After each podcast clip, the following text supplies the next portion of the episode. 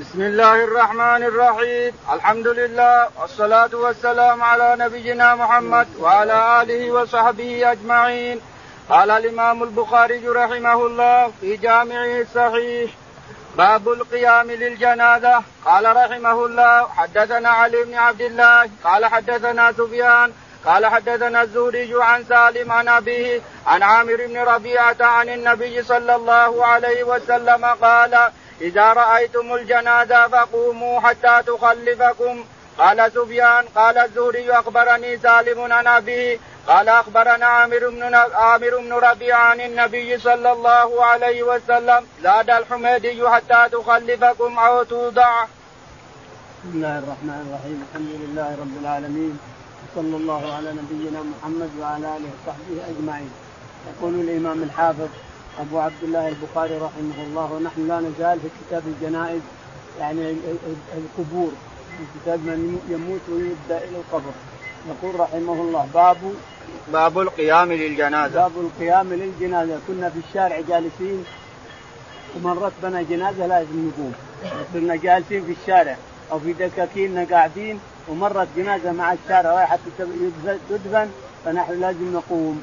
نقوم لها حتى تبعد عنا حتى تخلفنا أو نخلفها يقول البخاري حدثنا علي بن عبد الله. علي المديني قال حدثنا سفيان بن عيينة. سفيان بن عيينة قال حدثنا الزهري. الزهري قال عن سالم. عن سالم عن, عن أبيه عبد الله بن عمر رضي الله عنه عن عن عامر بن ربيعة. عامر بن ربيعة يقول النبي عليه الصلاة والسلام قال إذا أتتكم الجنازة في الشارع مرت عليكم أنتم في دكاكينكم أو في مصانعكم المهم في الشارع مرت جنازة فقوموا لا حتى تخلفكم أو تخلفون يعني حتى تختفي. معناه قوموا قوم واقف حتى تختفي. اختفت إجلس نعم. قال سفيان قال الزهري أخبرني سالم عن أبيه قال أخبرنا عامر بن ربيعة عن النبي قال سفيان قال الزهري أخبرنا سالم عن أبيه عن عامر بن ربيعة. بهذا الحديث أن النبي أمر عليه الصلاة والسلام الجنازة إذا مرت علينا ونحن جلوس في الشارع أو جلوس مثلا في دكاكيننا أو في مصانعنا مر علينا جنازة محمولة لازم نقوم. نقوم حتى حتى تخلفنا أو نخلفها حتى تختفي يعني. حتى تختفي عن عيوننا زاد الحميدي حتى تخلفكم أو توضع. يقول الحميدي عبد الله بن الزبير بن سعيد إن حتى تخلفكم أو توضع. يعني رواية الحميدي وهو شيخ البخاري. حتى تخلفكم يعني تختفي أو توضع في القبر. إذا كنا قريب من القبر توضع في قبرها عند قبرها. نعم. عن المهم توضع عن اكتاف الرجال. باب متى يقعد إذا قام للجنازة؟ قال رحمه الله حدثنا قتيبة بن سعيد قال حدثنا الليث عن نافع عن ابن عمر رضي الله عنهما عن عامر بن ربيعة رضي الله عنه عن النبي صلى الله عليه وسلم قال إذا رأى أحدكم جنازة فإن لم يكن ماشيا معها فليقم حتى يخلفها أو تخلفه أو توضع من من قبل أن تخلفه. يقول البخاري رحمه الله حدثنا قتيبة باب متى باب متى يقعد. متى يقعد الإنسان إذا مرت به جنازة؟ متى يقعد؟ يقول حدثنا قتيبة بن سعيد. قتيبة بن سعيد الثقفي قال الليث بن سعد. الليث بن سعد قال عن نافع. عن نافع عن ابن عمر عن عامر بن ربيعة رضي الله عنه أن النبي عليه الصلاة والسلام قال إذا مرت بكم الجنازة فقوموا لها حتى تخلفكم يعني تختفي أو تخلفكم إحنا في الشارع أو في دكاكين أو في مقننه فإن ك... إلا إن كنت معها إنسان حتى توضع فإن كنت معها لا تجلس حتى توضع توضع من المناكب إلى الأرض. فإن لم يكن ماشيا معها فليقم حتى يخلفها. فإن لم يكن ماشيا معها وتابعا لها فليقم واقفا حتى يخلفها أو هي تبعد عنه وتخلفه. قال رحمه الله حدثنا أحمد بن يونس قال حدثنا ابن أبي زيد عن سعيد المقبري عن أبيه قال كنا في جنازة فأخذ أبو هريرة رضي الله عنه بيد مروان فجلس فجلس قبل أن توضع فجاء أبو سعيد رضي الله عنه فأخذ بيد مروان فقال قم فوالله لقد علم هذا أن النبي صلى الله عليه وسلم نهانا عن ذلك فقال فقال أبو هريرة رضي الله عنه صدق. يقول البخاري رحمه الله حدثنا أحمد بن يونس. أحمد بن يونس قال حدثنا ابن أبي ذئب. ابن أبي ذئب قال حدثنا عن سعيد المقبري عن سعيد المقبري عن عن أبيه. عن أبيه سعيد المقبري أيضا. يعني الولد يروي عن أبيه وكلاهما من الطبقة الثالثة الولد والأبو. وكلاهما يروي عن أبي هريرة الولد والأبو. كلاهما يروون عن أبي هريرة رضي الله عنه. أن النبي عليه الصلاة والسلام يقول إن ابا إن أبا هريرة أخذ بيد مروان مرت جنازة فأخذ بمروان فأقعده. فجاء أبو سعيد الخدري وأقام مروان وقال لقد لقد علم هذا أن النبي عليه الصلاة والسلام نهى أمر بالوقوف حتى تختفي. قال أبو هريرة صدق. لكن كل هذه الأحاديث نسخت فيما بعد. سيأتينا نسخة في البخاري أنها لا قيام للجنازه اطلاقا. نعم. هذا أن النبي صلى الله عليه وسلم نهانا عن ذلك فقال أبو هريرة صدق. قال أبو هريرة صدق. يعني صدق أبو سعيد أنه نهانا ان نجلس والجنازه ماشية. لازم نوقف. نعم.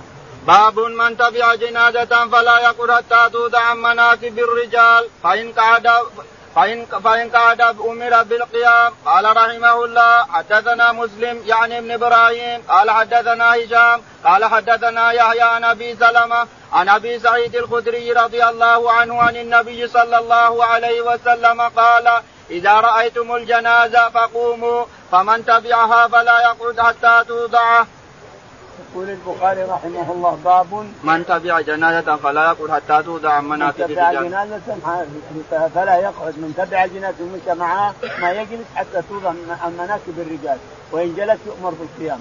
اللي حوله يأمرونه بالمعروف وينهون عن المنكر.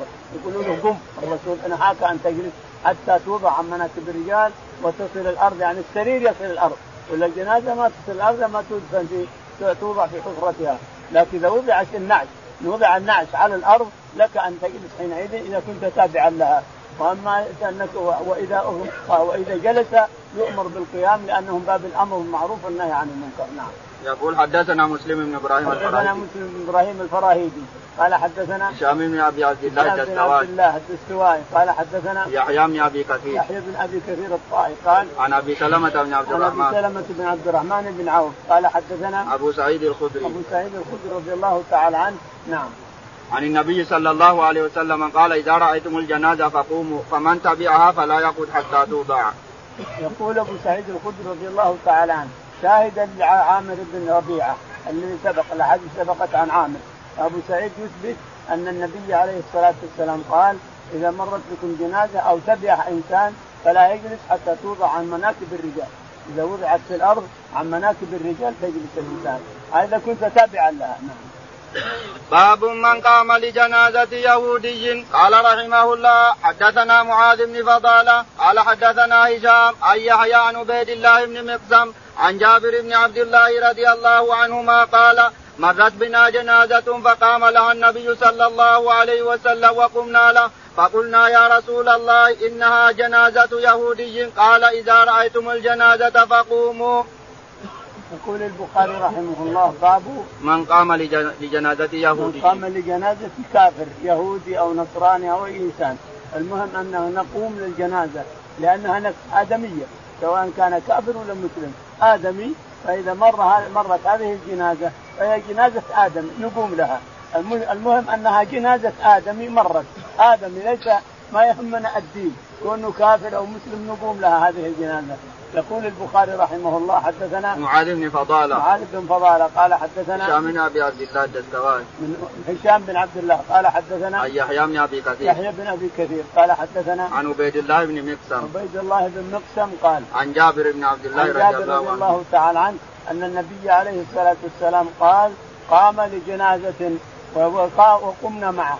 فقيل له يا رسول الله هذه جنازة يهودي يهودي كافر يعني كيف تقوم له؟ قال نحن نقوم للجنازه فقط نحن احتراما للآدمية لأنه آدمي والدين ما لنا شغل به نعم.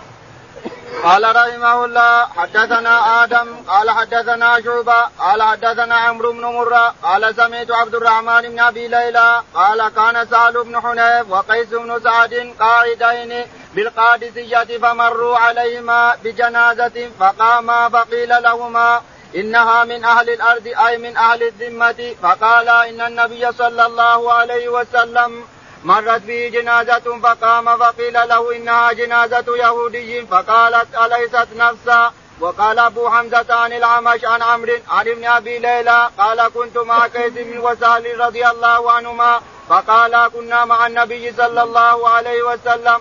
وقال زكريا عن الشعبي عن عن ابن أبي ليلى كان أبو مسعود وقيس يقومان للجنازة. يقول البخاري رحمه الله مؤكدا أن الجنازة يقام لها ولا تجلس الإنسان. يقول حدثنا آدم بن أبي آدم بن أبي قال حدثنا شعبة. شعبة. قال حدثنا عمرو بن مرة. عمرو بن مرة. قال سمعت عبد الرحمن أبي ليلى. يقول سمعت عبد الرحمن بن أبي ليلى الفقيه المشهور.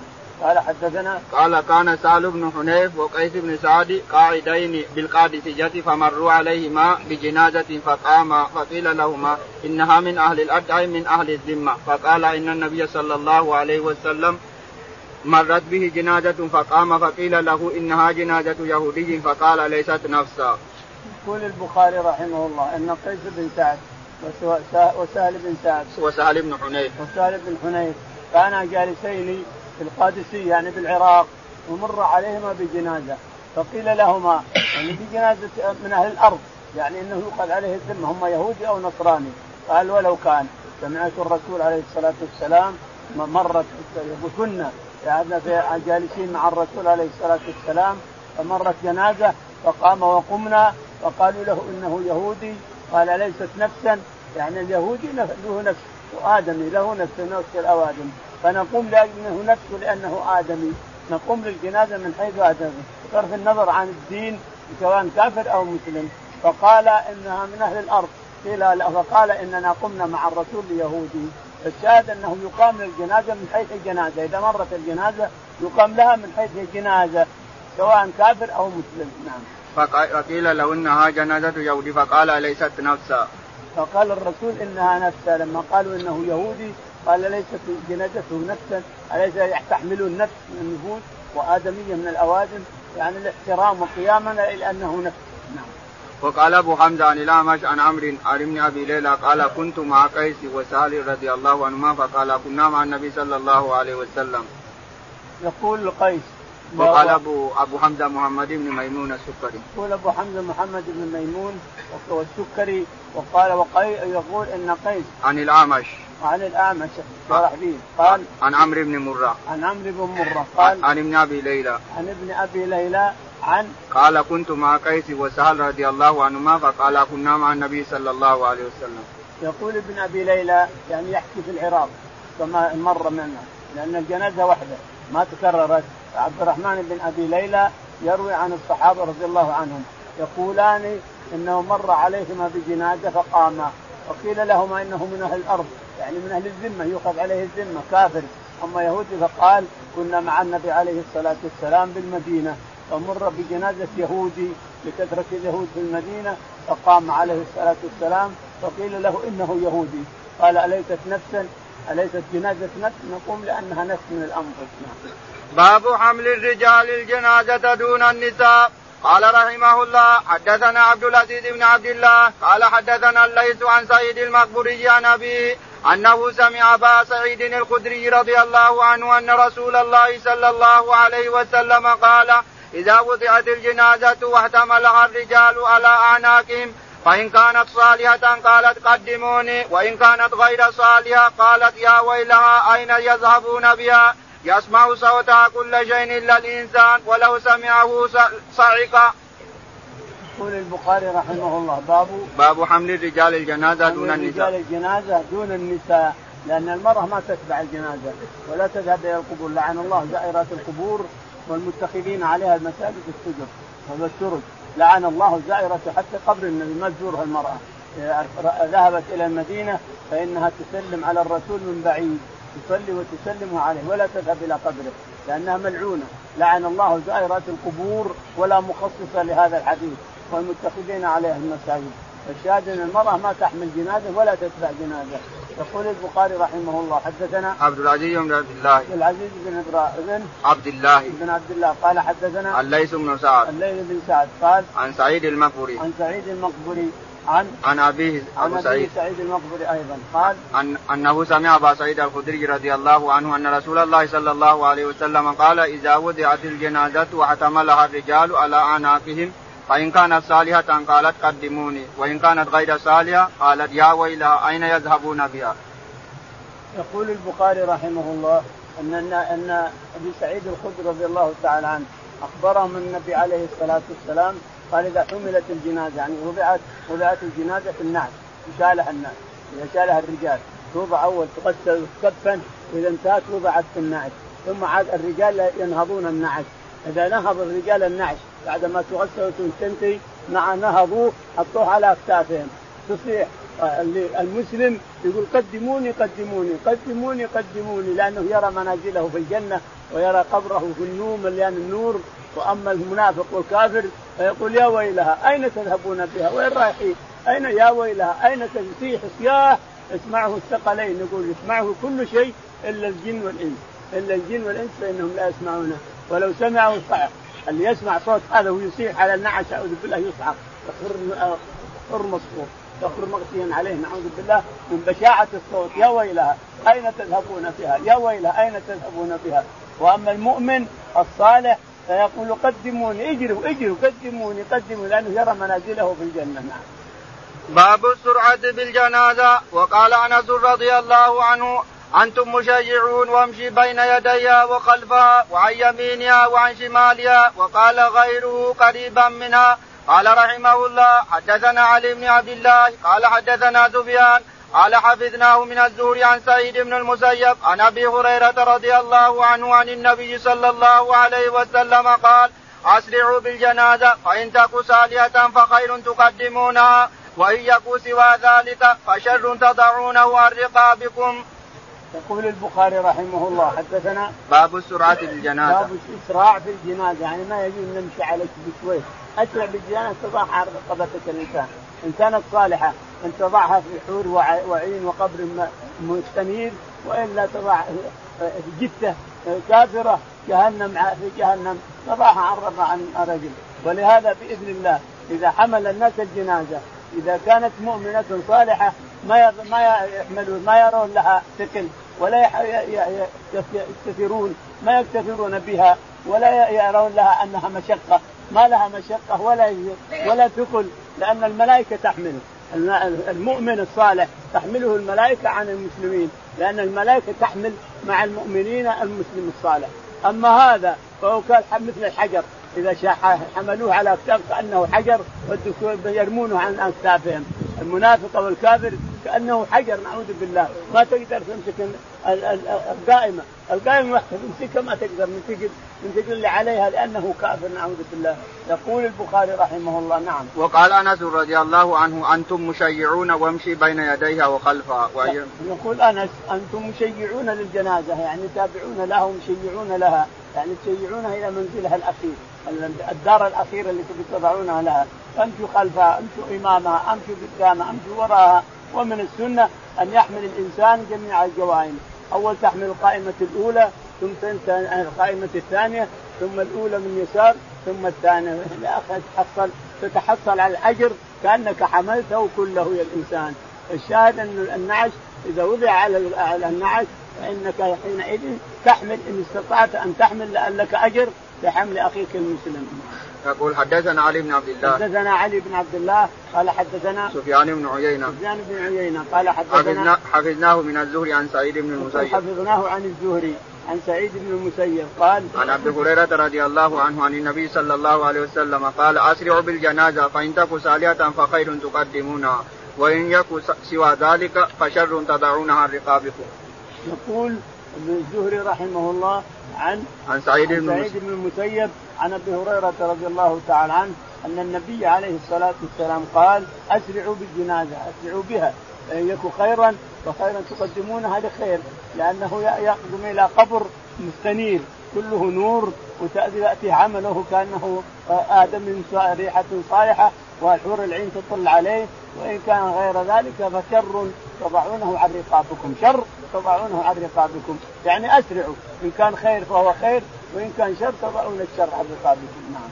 باب قول الميت وهو على الجن وهو على الجنازة قدموني. قال رحمه الله حدثنا علي بن قال حدثنا عبد الله بن يوسف قال حدثنا الليث عن قال حدثنا سعيد عن ابي أنه سمع أبا سعيد الخدري رضي الله عنه قال كان النبي صلى الله عليه وسلم يقول إذا وضعت الجنازة فاحتملها الرجال على عناقهم فإن كانت صالحة قالت قدموني وإن كانت غير صالحة قالت لأهلها. يا ويلها أين يذهبون بها؟ يسمع صوتها كل شيء كل شيء إلا الإنسان ولو سمع الإنسان لصعق. يقول البخاري رحمه الله باب باب قول الميت وهو على الجنازة قدموني باب قول الميت وهو على النعش الجنازة النعش يعني. قدموني قدموني حاملين على اكتافهم يمشون به. يقول قدموني قدموني يعني اجروا اجروا قدموني قدموني. والثاني يقول آه يا ويله أين يا ويلها أين تذهبون بها؟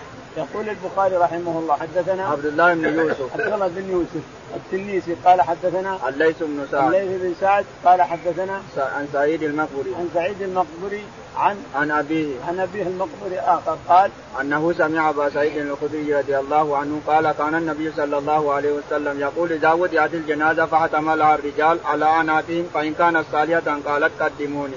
وإن كانت غير صالحة قالت لأهلها يا ويلها أين يذهبون بها؟ يسمع صوتها كل شيء إلا الإنسان ولو سمع الإنسان لصعق. يقول رحمه الله إن الانسان أبو سعيد الخدري. أبو سعيد الخدري رضي الله تعالى عنه. يقول النبي عليه الصلاة والسلام قال إذا وضعت الجنازة يعني الميت وضع على النعش ثم حمله الرجال فإن المسلم يصيح يقول قدموني قدموني والمنافق أو الكافر يقول يا ويلها أين تذهبون بها؟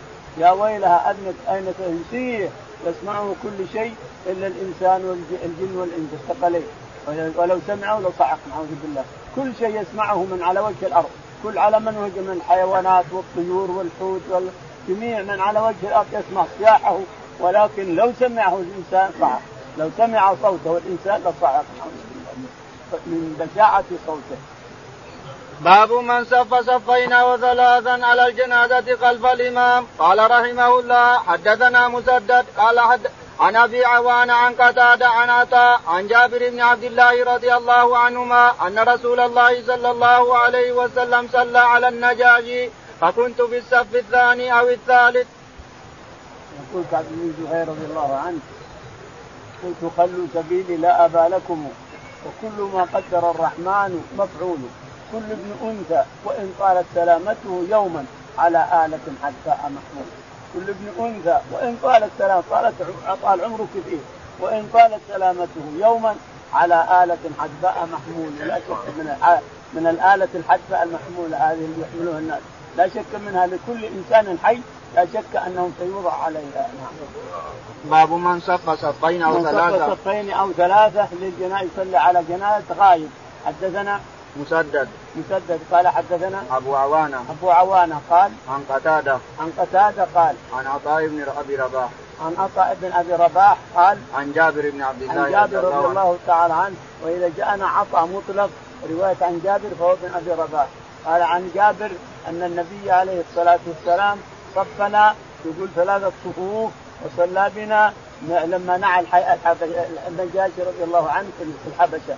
نعاه حيث لم يصلي عليه احد وسبق أن شرحنا أن الإنسان الميت إذا صلى صلي عليه في مساجد فإنه لا يصلى عليه غايب صلى عليه في مساجد غايب يكفي. يكفي ما نصلي عليه صلاة غايب لأنه صلى عليه. لكن النجاشي ما عنده مسلمين يصلون عليه وصلى عليه الرسول عليه الصلاة والسلام لأنه ما صلي عليه في بلاده. أما اللي صلى عليه في بلاده فلا يحتاج أن يصلي صلاة غايب لكن الناس الآن اتخذوا عمل الرسول سنة وإن كان قضيه قضية عين الرسول فعلها قضية عين للنجاشي لأنه هو المسلم الوحيد وبقية بلاده نصارى فلم يصلي عليه أحد نعم. فقال جابر فكنت في الصف الثاني أو الثالث. يقول جابر كنت في الصف الثاني صفنا ثلاث صفوف يقول جابر كنت في الثاني أو في الثالث. باب الصفوف على الجنازة. قال رحمه الله حدثنا مسدد. قال حدثنا يزيد بن زريع. قال حدثنا معمر عن الزهري عن سعيد عن أبي هريرة رضي الله عنه. قال نعم النبي صلى الله عليه وسلم إلى أصحابه النجاشية ثم تقدم فصفوا خلفه فكبر اربعا. يقول البخاري رحمه الله باب باب الصفوف على الجنازة. باب الصفوف على الجنازة، أول قال باب الصلاة على الجنازة. على على الغائب. وهنا يقول باب الصفوف على الجنازة. البخاري يترجم حسب ما يرى من الفقه رحمه الله. حدثنا مسدد. مسدد قال حدثنا يزيد بن زريع. يزيد بن زريع قال معمر بن راشد. عن معمر بن راشد قال عن الزهري. عن الزهري قال حدثنا عن سعيد بن المسيب. سعيد بن المسيب قال عن أبي هريرة رضي عن الله ابي عنه. هريرة رضي الله تعالى عنه أنه لما جاء نعي النجاة إلى النبي عليه الصلاة والسلام يقول أخرجنا الرسول على الصحراء إلى البر وصفنا ثلاث صفوف وكبر اربعا. كبر أربع كما يكبر على جنازة الحاضرة. كبر اربعا نعى النجاشي لهم وأنهم لم يصلى عليه وأنه مات اليوم. فخرجنا يقول إلى الصحراء وصفنا ثلاث صفوف ثم كبر أربع تكبيرات. الأولى قرأ الفاتحة والثاني قرأ اللهم صل على محمد والثالثة دعا له والرابعة تسلم الانسان نعم. قال رحمه الله حدثنا مسلم قال حدثنا شوبة قال حدثنا الشيباني عن الشعبي قال أخبرني من شهد النبي صلى الله عليه وسلم على أتى على قبر منبوذ فصفه وكبر أربعة قلت من حدثك؟ قال ابن عباس رضي الله عنهما. يقول البخاري رحمه الله باب تابع للباب الأول. حدثنا حدثنا مسلم بن إبراهيم. مسلم بن إبراهيم الفراهيدي. قال حدثنا شعبة بن الحجاج. شعبة بن الحجاج. قال حدثنا أبو إسحاق أبو الشيباني إسحاق الشيباني سعيد بن فيروز. قال سليمان بن فيروز. سلمان سليمان. سليمان بن فيروز. قال حدثنا عن الشعبي. عن الشعبي. قال أخبرني من شهد النبي صلى الله عليه يقول وسلم. الشعبي عامر بن شراحيل اخبرني أخبرني من شهد النبي عليه الصلاة والسلام لما صف الناس يصلي على النجاشي. أتى على قبر منبوذ.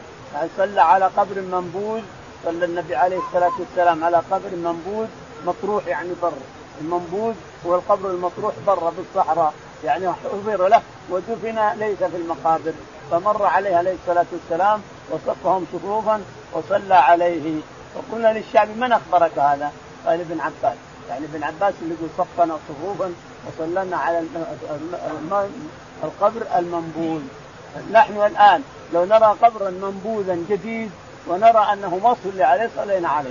وإن كان قبل ثلاثة أيام وصلى عليه في المساجد نصلي عليه نحن. إذا أردنا أجر الميت قبر بعيد منبوذ مبعد مبعد عن القبور ولا ندري العلة عن إبعاده بهذا البعد ما ندري. لكن نصلي عليه نصف ونصلي عليه صلاه ول- ولو كان ولو كان في قبره.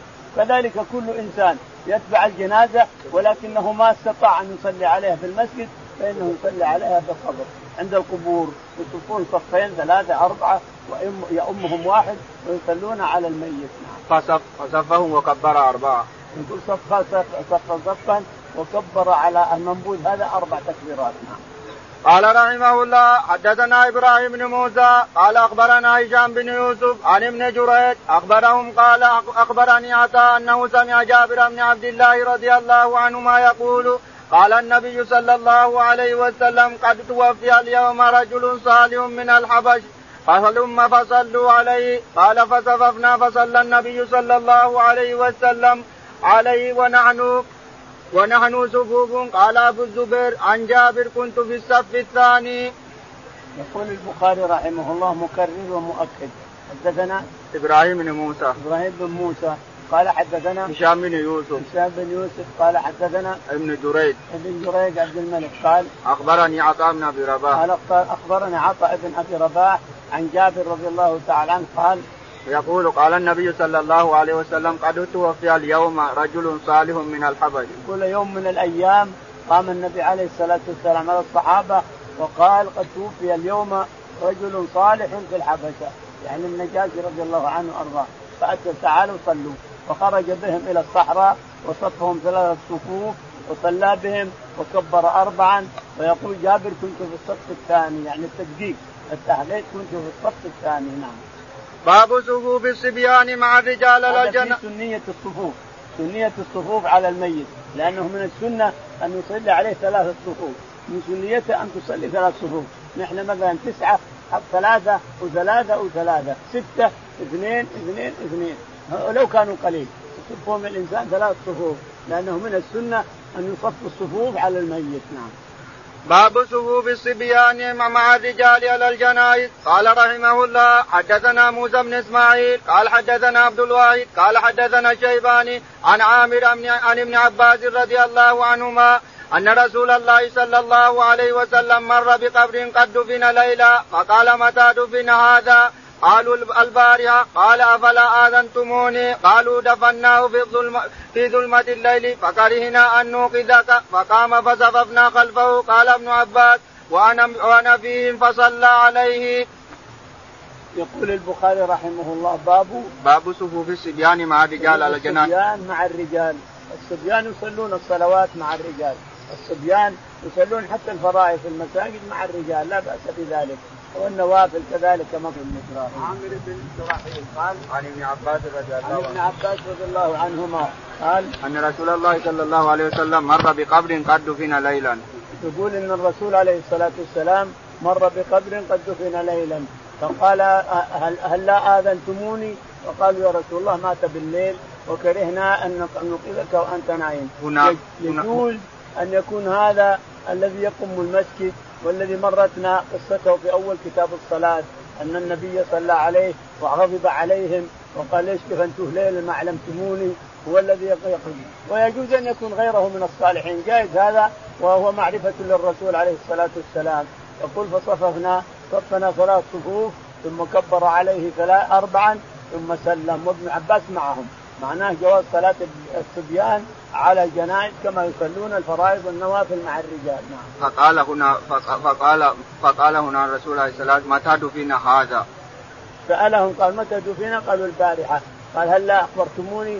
قالوا إنه بالليل مات بالليل وكرهنا ان نوقفك يا رسول الله يقول فصففنا قلبه وصلى عليه وكبر عليه اربعا نعم.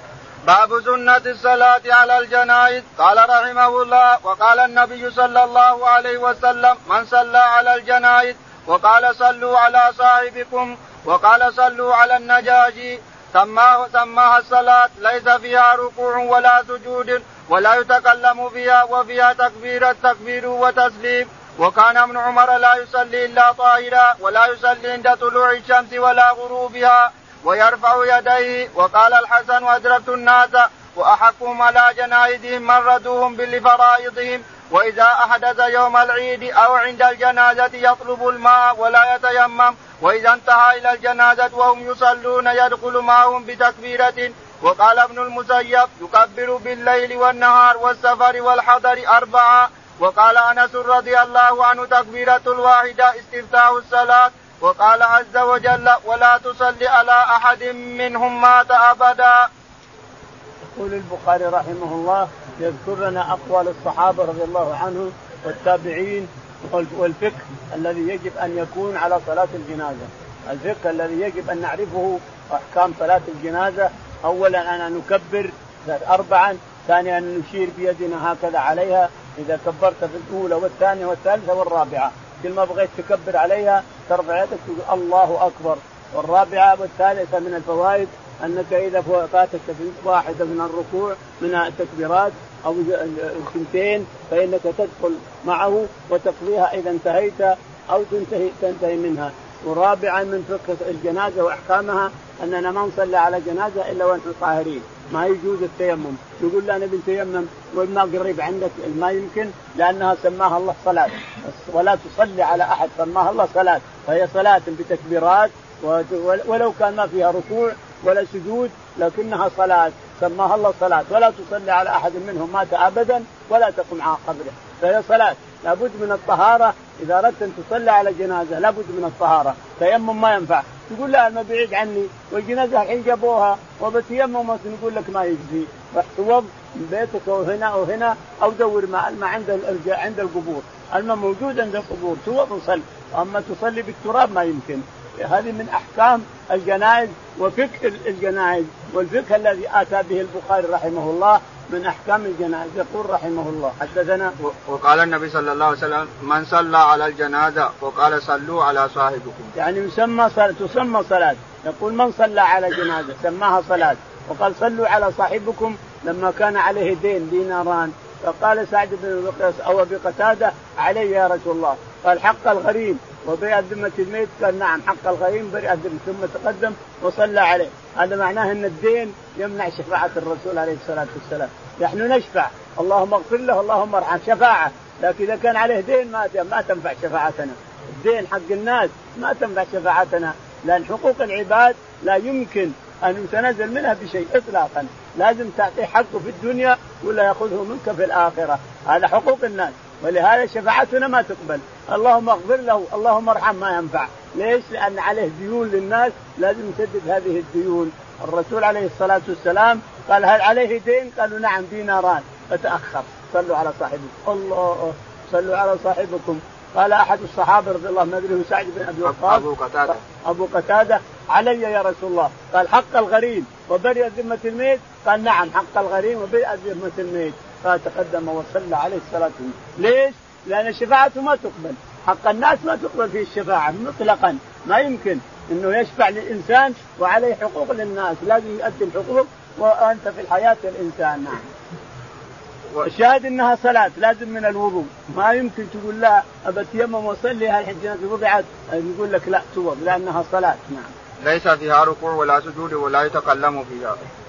حتى لو ما فيها ليس فيها ركوع ولا سجود ولكن الكلام محرم فيها. اذا قلت الله أكبر. تنوي الصلاة على هذه الجنازة لا يمكن أن تتكلم لأنها صلاة. سماها الله صلاة سماها الرسول صلاة فلا تتكلم فيها. وكان ابن عمر لا يصلي إلا طاهرا ولا يصلي عند طلوع الشمس ولا غروبها. وكان ابن عمر عبد الله رضي الله عنه لا يصلي إلا طاهر لا يمكن أن يصلي بتيمم. يصلي طاهر ولا يصلي عند المواقيت الأوقات الممنوعة عند طلوع الشمس لانها تطلع بين قرني شيطان وعند غروب الشمس وعند وقوفها ما يصلى عليها. لأن عقبة بن عامر قال نهانا رسول الله عليه الصلاة والسلام أن نصلي فيهن أو أن نقبر فيهن موتانا.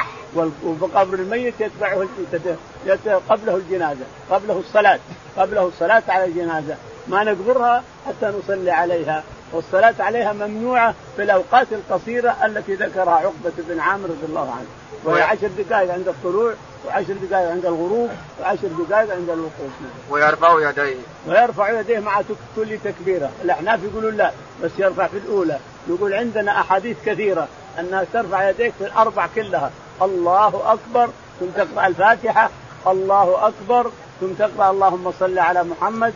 الله أكبر ثم تدعو للميت بما يحضرك الإنسان وما ورد من الدعاء على الميت ثم تقول الله أكبر السلام عليكم. أربع تكبيرات كلها فيها إشارة. وقال الحسن أدركت الناس وأحقهم على جنائزهم من ردوهم لفرائدهم. يقول الحسن البصري رضي الله عنه أدركت الناس يعني أدرك الصحابة والتابعين على أحق بالإمامة على الجنازة أئمتهم أئمة المساجد. فإذا جاء جنازة هنا فامام المسجد هو اللي يصلي عليها. ما نقول لا وليها في المال أو قريبه أو أبوه أو ولد نقول لا. الإمام هو اللي يصلي وإذا أحدث يوم العيد أو عند الجنازة يطلب الماء ولا يتيمم. وإذا حدث يوم العيد وحضرت جنازة يطلب الماء ولا يتيمم. نعم. فإذا انتهى إلى الجنازة وهم يصلون يدخل معهم بالتكبير. يقول فإذا انتهى إلى جنازة وهم يصلون. كبروا خلاص كبر معهم. فاتك تكبيرة اقضاها لا سلمت أو تكبيرتين اقضيها لا سلم اذا سلم السلام عليكم ورحمة الله. وانت ما أدركت إلا ثنتين أنت تبقى ما تسلم. الله أكبر وتكمل الدعاء. الله أكبر ثم تسلم. وقال ابن المسيب يكبر يكبر بالليل والنهار والسفر والحذر أربعة. يقول ابن سعيد بن المسيب رضي الله عنه يكبر على الجنازة بالسفر والحضر والغيب وغيبها يكبر أربع سواء في الحضر أو في السفر أو في أي مكان لابد تكبر عليه أربع الجنازة لابد من أربع تكبيرات. وقال أنس رضي الله عنه تكبيرة الواحدة استفتاح الصلاة. يقول أنس رضي الله عنه التكبيرة الأولى افتتاح الصلاة والثانية دعاء والثالثة دعاء والرابعة سلام. وفيه وفيه وفيه صفوف وإمام. وفي صلاة الجنازة صفوف وفيه إمام لا شك في هذا لأن هذه سنة الرسول عليه الصلاة والسلام يؤم الناس ويصلي بالناس وفيهم صفوف وفيهم إمام على صلاة الجنازة نعم. قال رحمه الله حدثنا سليمان بن حرب قال حدثنا شوب عن الشيباني عن الشعبي قال أخبرني من مر مع نبيكم صلى الله عليه وسلم على قبر منبوذ فامنا فصففنا خلفه فقلنا يا أبا عمرو من حدثك قال ابن عباس رضي الله عنهما يقول البخاري رحمه الله مكررا ما سبق. حدثنا سليمان بن حرب. سليمان بن حرب. قال حدثنا شعبة. شعبة. قال حدثنا أبو إسحاق الشيباني. أبو إسحاق الشيباني قال عن الشعبي. عن الشعبي عامر. قال قال أخبرني من مر مع نبيكم صلى الله عليه وسلم على قبر منبوذ. قال أخبرنا أخبرني من مر على قبر مع نبيكم عليه الصلاة والسلام قبر منبوذ. يعني قبر مدفون وبعيد عن القبور لكنه مدفون ومنحى عن القبور. شوف ما هي السر وما هو الحكمة أما لمرض يحدي أو شيء من هذا. المهم إنه بعيد دفنوه بعيد أو إنهم ما قدروا يوصلونه إلى القبور. الشاهد مر عليه عليه الصلاة والسلام صفنا صف الناس ثلاث صفوف ثم صلى عليه حتى انتهى. قالوا للشعب من أخبرك بهذا؟ قال ابن عباس صلى معهم يعني. ابن عباس صلى مع الرسول عليه الصلاة والسلام. باب فضل اتباع الجنائز. وقال زيد بن ثابت رضي الله عنه إذا صليت فقد قضيت الذي عليك. وقال الحميد وقال حميد بن هلال ما علمنا على الجنازة إذنا ولكن من صلى ثم رجع فله قيراط قال رحمه الله حدثنا أبو النعمان قال حدثنا جرير بن حازم قال سمعت نافعا يقول حدث ابن عبا بن عمر أن أبا هريرة رضي الله عنهم يقول من تبع جنازة فله قيراط فقال أكثر أبو هريرة علينا فصدقت. يعني عائشة رضي, رضي الله عنها أبا هريرة وقالت سمعت رسول الله صلى الله عليه وسلم يقول فقال ابن عمر رضي الله عنهما لقد فرطنا في قراريط كثيرة فرطت ضيعت من أمر الله يقول البخاري رحمه الله حدثنا باب فضل اتباع الجنائز. باب فضل اتباع الجنازة يعني حتى تدفن أو حتى توضع من المناكب. حدثنا وقال زيد بن ثابت رضي الله عنه إذا صليت فقد قضيت الذي عليك. يقول زيد بن ثابت رضي الله تعالى عنه إذا صليت على الجنازة سواء في مسجد أو في غير مسجد قضيت اللي عليك، يعني له حقوق، المسلم على المسلم حقوق، منها أن تصلي عليه ومنها أن تتبعه حتى تدفع ومنها كذا، من حقوقه قضيتها، قضيت الصلاة عليه، صليت عليه صليت عليه مع الناس قضيت عليه، خلاص قضيت اللي عليك قضيت الحق الذي عليك للمسلم. نعم. وقال حميد بن هلال ما علمنا على الجنازة إذنا ولكن من صلى ثم رجع فله قيراط يقول ما علمنا. يقول حميد بن هلال. حميد بن هلال ما علمنا على الميت إذنا يعني إذن أصلي على ميتك فلان يصلي أنا عليها هذا إذا لم نجد إمام ما يحتاج إلى إذن. أصلي على ميتك يا فلان. قال نعم تفضل. ما يحتاج تقول هذا. ما دام ما لقينا الإمام فأي مسلم من المسلمين يتقدم ويصلي بدون إذن. بدون ما علمنا على الميت إذن يعني الصلاة عليه اذنا نعم. قال حدثنا أبو النعمان. حدثنا أبو النعمان عارم. قال حدثنا جرير بن حازم. جرير بن حازم. قال حدثنا قال سمعت نافعا يقول حدث ابن عمر أن أبا هريرة رضي الله عنه يقول من تبع جنازة فله قيراط يقول سمعنا أن أبو هريرة رضي الله عنه بن عمر سمع عن أبي هريرة نقلا عن أبي هريرة رضي الله تعالى عنه أنه قال من تبع جنازة فله قراط ومن صلى عليه فله قراط يعني أربع قراطين والقراط كبر أحد. قال فأكثر أبو هريرة هذا ابن عمر لأنه ما سمع الشيء الحديث هذا. أكثر أبو هريرة أكثر أبو هريرة قال فصدقته عائشة لما سمعت ابن عمر ابن عمر ينكر على أبي هريرة ويكذبه قالت عائشة صدق أبو هريرة صدق أبو هريرة. أنا سمعت الرسول عليه الصلاة والسلام يقول من صلى على جنازة فله قراط ومن تبع حتى تسلم فله قراطان قال إنا لله وإنا إليه فرطنا في قراريط كبيره إذا أن أول مكذب أبو هريرة والآن ما دام عائشة روته لنا فنحن فرطنا في قراريط كثيرة. يعني ما نصلي على الجنازة. معناه أن اللي ما يصلي على الجنازه فرط في قراط كبر أحد. فلا يتركها مسلم. الإنسان اللي صار ما له حاجة ولا يصلي صلاة أخرى غير صلاة الجنازة فأنت صل على الجنازة مع المسلمين ولو طفل. يصلى عليه فإنك صليت على جنازة. سمى جنازة. فلك أجر الإنسان والأجر كبر أحد. فيقول ابن عمر فرطنا في قراريط كثيرة. ما نصلي على الجنازة نتركها نحسب ما في شيء. الآن والله راحتنا قراريط كثيرة. يعني قراريط كبر الواحد القيراط كبر. نعم.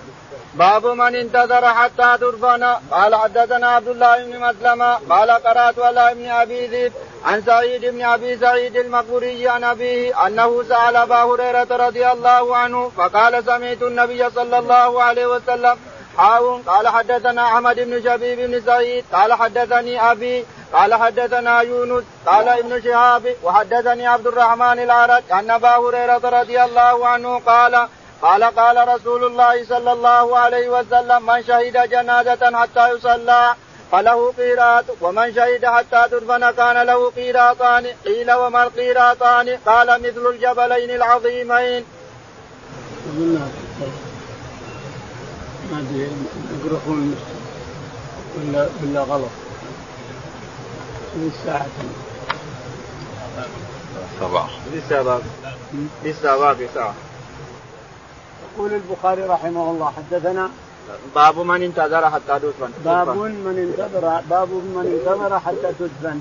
يعني جلس معها حتى تدفن. يقول حدثنا عبد الله بن مسلمة. حدثنا عبد الله بن مسلمة قال حدثنا آه، قال عبد الله بن مسلمة قرأت على ابن أبي ذئب قرأت على ابن أبي ذئب عبد الله بن عبد الرحمن. قال عن سعيد بن أبي سعيد المقبري سعيد بن أبي سعيد عن أبيه أبو سعيد أبو سعيد المقبري. قال أنه سأل أبا هريرة رضي الله عنه. أنه سأل أبا هريرة رضي الله عنه. نعم. فقال سمعت النبي صلى الله عليه وسلم. فقال نعم كمل. قال حول السند قال حدثنا أحمد بن شبيب بن إنه سمع أبو هريرة سمع النبي عليه الصلاة والسلام وسيأتي المتن. ثم حول السند فقال حدثنا أحمد بن شبيب. أحمد بن شقيق بن شبيب شبيب. قال حدثنا آه قال حدثني أبي. حدثنا أبي قال قال حدثنا يونس بن يزيد. قال حدثنا يونس بن يزيد. قال قال ابن شهاب وحدثني عبد الرحمن الأعرج. يقول ابن شهاب وحدثنا عبد الرحمن الأعرج. قال عن أبا هريرة رضي الله عنه قال قال رسول الله صلى الله عليه وسلم من شهد جنازة حتى يصلى فله قيراط. ومن شهد حتى تدفن كان له قيراطان. قيل وما القيراطان؟ كمل. قال مثل الجبلين العظيمين. يقول ابو قول حدثنا قال أبو هريرة رضي الله عنه النبي صلى الله عليه وسلم النبي أبو هريرة يروي عن النبي عليه الصلاة والسلام أنه قال من صلى على قراط من شهد من شهد الجنازة. من شهد جنازة فصلى عليها فله قراط. ومن شهد جنازة وصلى عليها وتبع حتى تدفن فله قراطان اثنين. والقراط كبر جبل أحد. من شهدها وصلى عليها في المسجد مع الناس له قراط واحد كبر جبل أحد. ومن شهدها وصلى عليها ثم تبع حتى تدفن فإن له قراطان. هذا كله حق من حقوق المسلم وحث على الحسنات وأداء الحقوق. لأنه لو يكن لو لم يكن فيه قراط أو لم يكن فيه شيء ربما ما يتبعه أحد. لكن علم المسلم أن له أجر كبير وله قراريط عند رب العالمين تبعها حتى تدفن. وحملها بعد مع اللي يحملون انتظارا للحسنات التي تأتيه يوم القيامة. نعم. باب صلاة الصبيان مع الناس على الجنائز قال رحمه الله حدثنا يعقوب بن إبراهيم قال حدثنا يحيى بن بكير قال حدثنا زايدة قال حدثنا أبو إسحاق الشيباني عن عامر عن ابن عباس رضي الله عنهما قال أتى رسول الله صلى الله عليه وسلم قبرا فقالوا هذا دفن أو دفنت البارية قال ابن عباس رضي الله عنهما فصففنا خلفه ثم صلى عليها. يقول البخاري رحمه الله باب باب صلاة الصبيان مع الناس على الجنائز باب صلاة الصبيان مع الناس على الجنائز يعني أنهم يصلون مع الناس لا شك في هذا. يصلون الفرائض مع الناس يصلون النوافل مع الناس كما صلى أبو ابن عباس مع الرسول في بيت ميمونة. يقول حدثنا يعقوب بن إبراهيم الدورقي. يعقوب بن إبراهيم الدورقي. قال حدثنا يحيى بن بكير يحيى بن أبي بكير. قال حدثنا حدثنا زائده زائده قال أبو إسحاق الشيباني. أبو إسحاق الشيباني قال عن عامر. عن عامر الشعبي قال عن ابن عباس رضي الله عنه. عن ابن عباس رضي الله تعالى عنه أن النبي عليه الصلاة والسلام أتى على قبر منبوذ أو على قبر دفن ليلا. فقال من هذا؟ قالوا هذه فلانة أو قالوا فلان. التي تقوم المسجد أو الذي يقوم المسجد كما كما سبق في الصلاة. فقال هل لا أخبرتموني؟ وغضب. قالوا يا رسول الله مات بالليل وكرهنا أن نوقظك. فصفنا يقول ثلاث صفوف ثم صلى بنا وكبر أربعا. وحزن حزنا شديدا أنهم ما أخبروه. هذه اللي تقوم المسجد أو أنه اللي يقوم المسجد. نعم. فقال ابن عباس رضي الله عنهما فصففنا خلفه ثم صلى عليها. صففنا خلفه ثلاث أو قال صففنا خلفه ثم صلى عليها يعني وصلى عليها معه ابن عباس وهو صبي. وهذا هو الشاهد أن الصبيان يصلون مع الرجال على الجنازة. نعم. باب الصلاة على الجنائز بالمصلى والمسجد. قال رحمه الله حدثنا يحيى بن بكير قال حدثنا الليث عن عقيل عن ابن شهاب عن سعيد بن المسيب وأبي سلمة أنه ما حدثه عن أبي هريرة رضي الله عنه قال نعى لنا رسول الله صلى الله عليه وسلم النجاشية صاحب الحبشة اليوم الذي مات فيه فقال استغفروا لأخيكم وعن ابن شهاب قال حدثني سعيد بن المسيب أن أبا هريرة رضي الله عنه قال إن النبي صلى الله عليه وسلم صف بهم بالمصلى فكبر عليه أربعة. يقول البخاري رحمه الله باب الصلاة. على الجنائز بالمصلى والمسجد. على الجنائز بالمصلى يعني بالمسجد. صلى عليهم بالمسجد. ولكن ورد أن الرسول أخرجهم إلى مسجد العيد وصلى بهم لكي يكثرون. يكثر من يصلي على النجاشي لأنه لم يصلي عليه أحد. وهنا يقول صلى بهم بالمصلى جائز هذا. بالمصلى والمسجد قال. والمسجد. قال حدثنا يحيى بن بكير. يحيى بن بكير قال حدثنا الليث بن سعد. الليث بن سعد قال حدثنا قيل بن خالد. قيل بن خالد عن الزهري قال عن سعيد بن المسيب وأبي سلمة بن عبد سعيد بن المسيب وأبي سلمة بن عبد الرحمن عن أبي هريرة رضي الله تعالى عنه.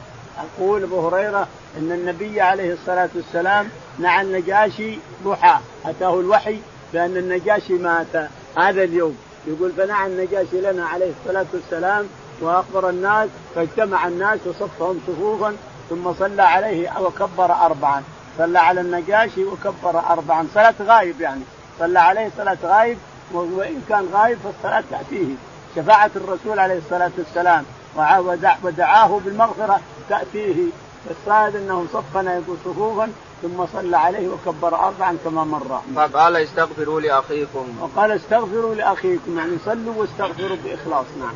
وعن ابن شهاب قال حدثني سعيد بن المسيب أن أبا هريرة رضي الله عنه قال إن النبي صلى الله عليه وسلم صف بهم بالمصلى فكبر عليه أربعة. يقول في رواية أخرى سند آخر. عن ابن شهاب عن, عن الزهري. قال, قال وعن الزهري وعن الزهري قال حدثني سعيد بن المسيب. وعن الزهري قال حدثني سعيد بن المسيب عن أبي هريرة. وعلمنا سابقا أن سعيد بن المسيب أن سعيد بن المسيب رحيم لأبي هريرة بنت أبي هريرة معه فلهذا مراسيل سعيد بن المسيب كلها موصولة يقول يقول عن أبي هريرة رضي الله عنه أن النبي عليه الصلاة والسلام نعى لهم النجاشي ثم أخبر الناس وصفهم صفوفا ثم صلى عليه وكبر اربعا وصففنا معه نعم. حديث واحد باقي حديث واحد بس. قال رحمه الله حدثنا إبراهيم بن المنذر قال حدثنا أبو ضمره قال حدثنا موسى بن عقبة عن نافع عن عبد الله بن عمر رضي الله عنهما أن اليهود جاءوا أن اليهود جاءوا إلى النبي صلى الله عليه وسلم برجل منهم وامرأة زنيا فأمر بهما فرجما قريبا من موضع الجنائز عند المسجد. يقول البخاري رحمه الله حدثنا أول ترجم إمام البخاري باب باب باب الصلاة على الجنائز بالمصلى والمسجد فلهذا جاب باب الصلاة على الميت بالمسجد. يعني هذا يرد على من يرى أن المسجد لا يصلى فيه بالجنازه بل نصلي في القبور نخرج الميت في القبور ونصلي عليه. فيرد البخاري رحمه الله كما قالت عائشة صلى على ابنه بيضة في المسجد. يقول حدثنا إبراهيم بن المنذر. إبراهيم بن المنذر. قال حدثنا أبو ضمره أنس أبو ضمره بن أنس. قال حدثنا موسى بن عقبة. موسى بن عقبة قال عن عبد الله عن عن, عن نافع عن عبد الله بن عمر. عن نافع عن عبد الله بن عمر رضي الله عنه. أن اليهود أتوا النبي باثنتين رجل وامرأة زنيا وكتما القصة طويلة. نعم. فأمر بهما فرجما قريبا من موضع الجنائز عند المسجد. فأمر بهما فرجما قريبا من المسجد، الحديث يبغى له إعادة لأنه طويل وله قصة طويلة أيضا. كما في التوراة عبد الله بن سلام كشف سرهم طويل المسجد له قصة. اللهم اهدنا فيمن هديت وعافنا فيمن عافيت تولنا فيمن توليت اللهم توفنا مسلمين وألحقنا بالصالحين